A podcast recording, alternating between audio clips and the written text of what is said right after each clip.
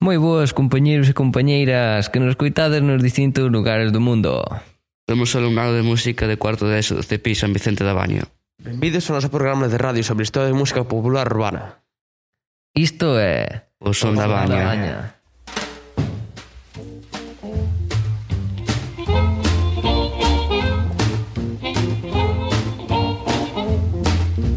My baby don't stand no cheating, my baby Oh yeah, she don't stand no cheating, my babe. Sen lugar a dúbidas, o fenómeno rock nunca chegaría a ter a repercusión social e cultural que tivo se non fose por aqueles avances tecnolóxicos que posibilitaron que a música chegase a ser un ben de consumo e, en consecuencia, unha suculenta fonte de riqueza. A música convertese nun negocio moi productivo e as compañías discográficas non cesan o seu empeño de descubrir novos talentos, novos produtos que ofertan ao público ávido de consumir música fresca e nova.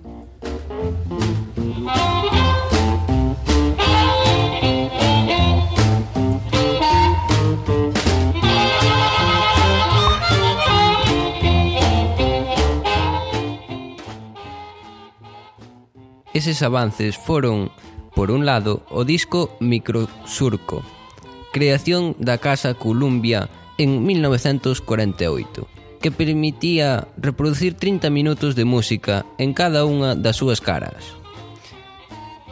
Este avance veu acompañado da incorporación de dispositivos eléctricos para a, reprodu a reproducción e grabación de son como os pratos xiradiscos, os micrófonos, os amplificadores e os altofalantes. Aparellos que se converten na década dos 50 en electrodomésticos habituais en calquera fogar da clase media.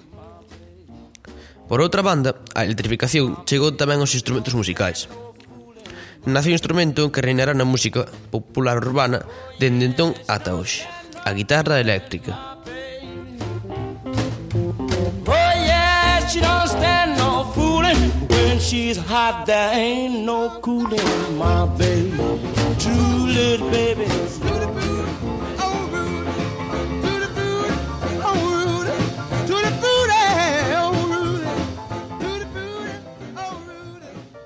A principios dos anos 50, o mercado musical de brancos e negros era un claro reflexo da sociedade norteamericana. Estaba totalmente segregado ata o extremo de existir emisoras de radios dedicadas á música negra e compañías discográficas restringidas ao mesmo grupo social, os chamados Reis Records.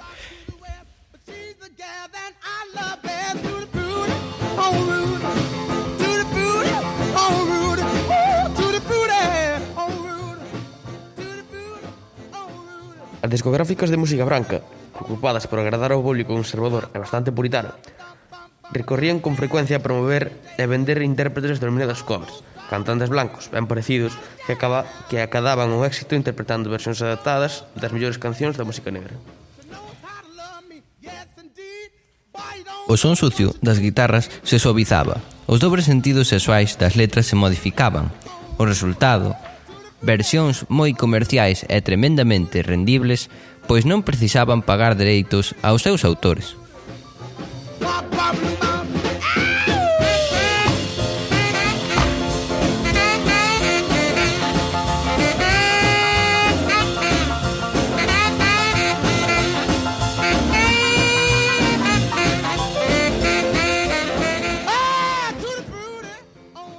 Ao mesmo tempo, os DJs de radio tiñan un enorme poder sobre as ventas e as listas de éxitos.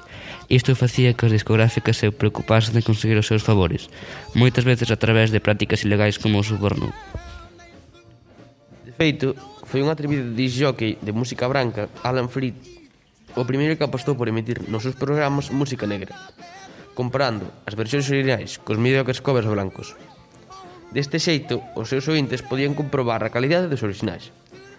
Así, a xuventude norteamericana daquela época comeza a sentirse máis identificada coa música negra de rhythm and blues.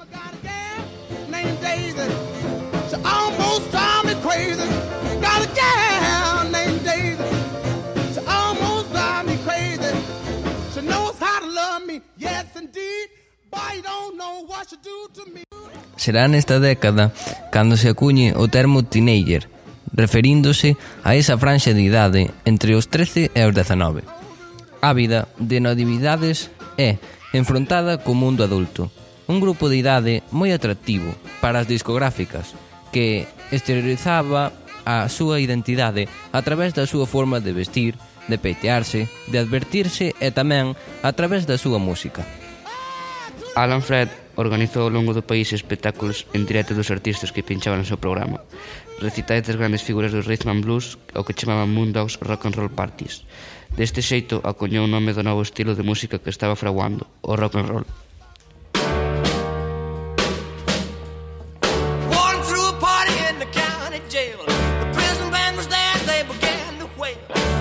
Jumping and the jump began to swing. You should have heard this knocked out jailbird sing that.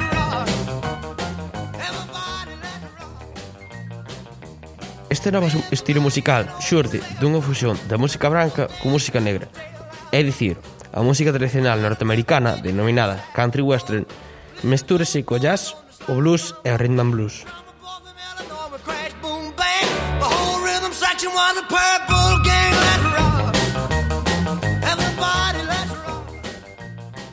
A fusión de ambos estilos de música dará lugar ao rock and roll, que se caracteriza por ritmo cuaternario, estrutura de blues, letras pegadizas e superficiais que tratan os temas que preocupan aos adolescentes. Rebeldía, conflito xeracional, ansias de diversión, de liberdade, incomprensión, etc.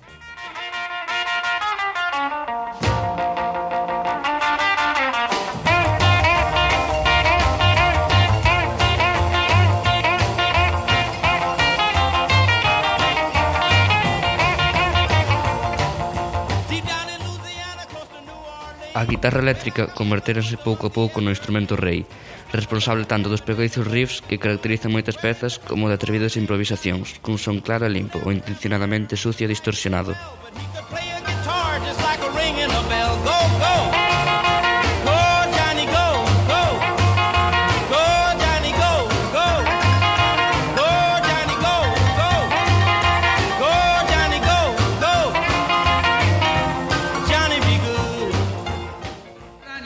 my brain.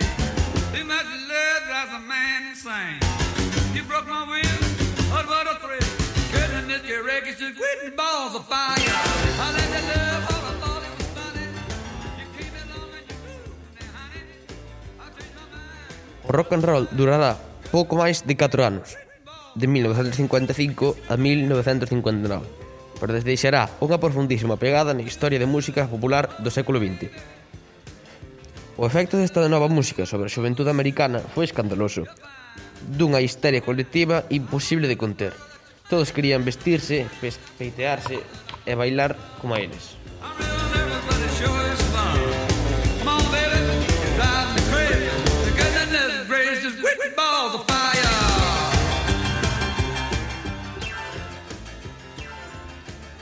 A figura do rock and roll eran aclamadas e acosadas ali onde foran e os pais pensaban que esa música corrompía aos seus fillos. Facías, facíanse campañas na televisión en contra desta música e os predicadores ensinaban que era unha manifestación do mal. Ata o Ku Klux Klan chegou a organizar queimas colectivas de discos. Yeah.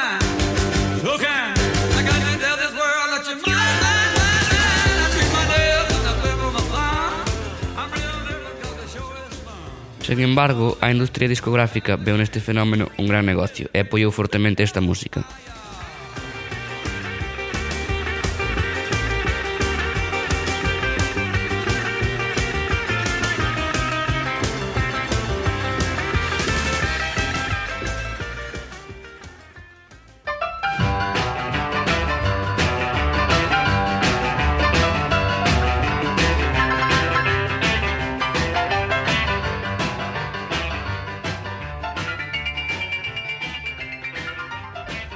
Agora, para rematar, imos presentar as máis importantes figuras desta etapa histórica da música. Todos eles remataron a súa carreira artística nun xeito brusco e ás veces tráxico, en moitos casos por non saber soportar a presión a que someteran este fenómeno de masas.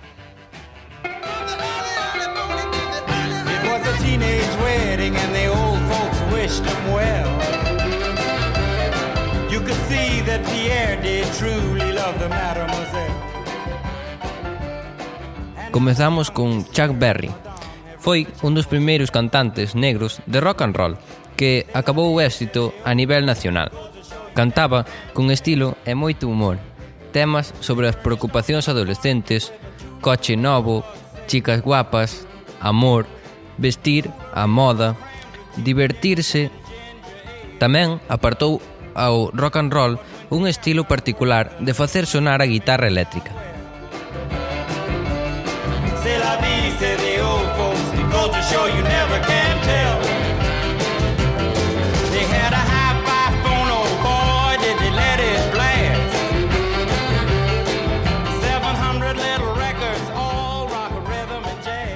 En 1959, na cima do seu éxito, acabou na cadea por violar as leis de inmigración na contratación de persoal nun local da súa propiedade.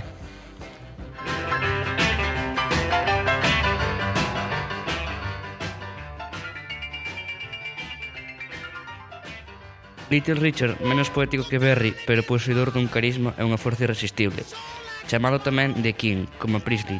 Foi a viva imaxe da provocación, bigote estreito, roupa brillante, ambigüidade sexual. Dunha familia moi religiosa chegou a música da man do coro da súa igrexa.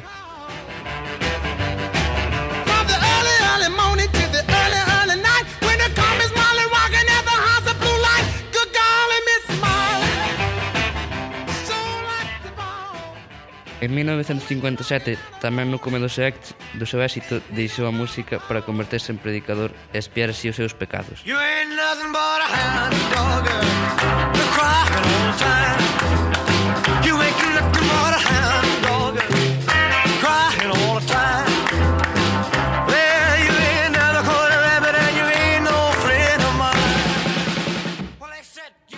Elvis Aaron Presley, a pesar de non ser autor, é a imaxe do rock and roll.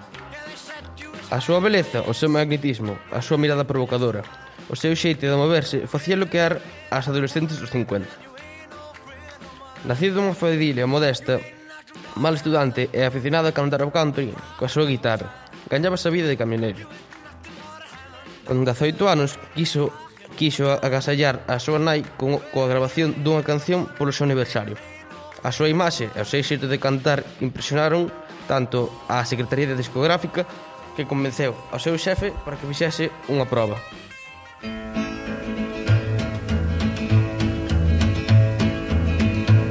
Well, that's all right, mama. That's all right for you. That's all right, mama. Just any way you do, that's all right. That's all right. O seu primeiro éxito, That's All Right, Mama, sonará en todas as emitoras e encherá as salas de moitas cidades do sur de Estados Unidos. O Gran Salto mira cando a RCA o contrata. Aparece nos programas de maior audiencia na televisión e comeza a arrasar nas listas de éxitos. Xa non se trata dun fenómeno local, senón mundial.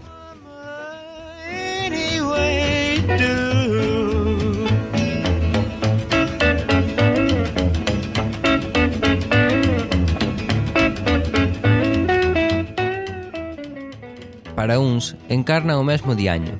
Para mozas e mozos, é un modelo a seguir. En 1958, seguindo os consellos do seu manager, quixo actuar como un cidadán modélico e marchou para Alemanha a cumprir co seu servizo militar. A súa volta, dous anos despois, xa nada era como antes.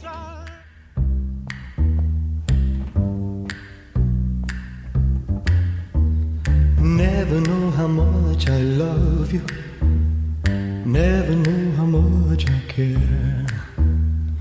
When you put your arms around me, I get a fever that's so hard to bear. You give me fever when you kiss me, fever when you hold me tight. Elvis deixou de actuar en directo e dedicouse a explotar a súa faceta de cantante melódico e estrela de cine para adolescentes. Rematou a súa vida en Las Vegas, obeso e consumido polas drogas e o alcohol con só 35 anos. Moonlights up the night. I light up when you call my name, and you know I'm gonna treat you right. You give me fever when you kiss me. And I'm just out of school, like a real, real cool. I got the jump, got the jive, got the message, I'm alive, I'm a wife, I'm a wild one. Ooh, yeah, I'm a wild one.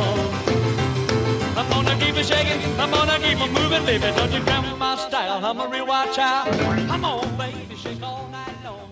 Jerry Lee Lewis Alcumado de Killer polo seu xeito de cantar a seu piano. De familia humilde, tiña un talento innato para a música e non para os estudios, pois foi expulsado do instituto con 14 anos, idade coa que debutou nos escenarios.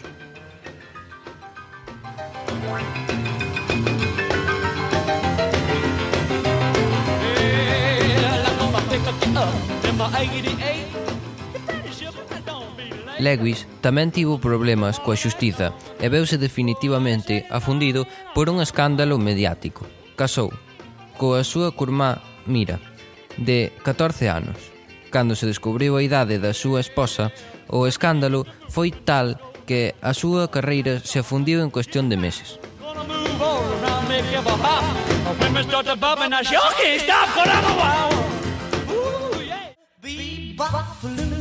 She She's my baby. Bebop Lula, uh, I don't mean maybe. Bebop Lula, she's my baby. Bebop Lula, uh, uh, I don't mean maybe.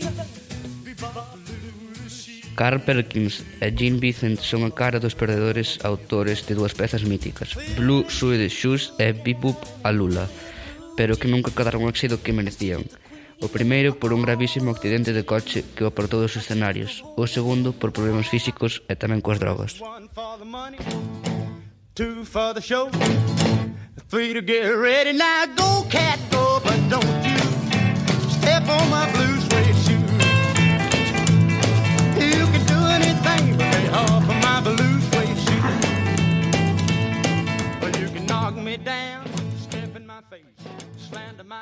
Por outra banda, Buddy Holly e Richie Valens, autor de La Bamba, rematan bruscamente a súa carreira ao falecer nun accidente de avión.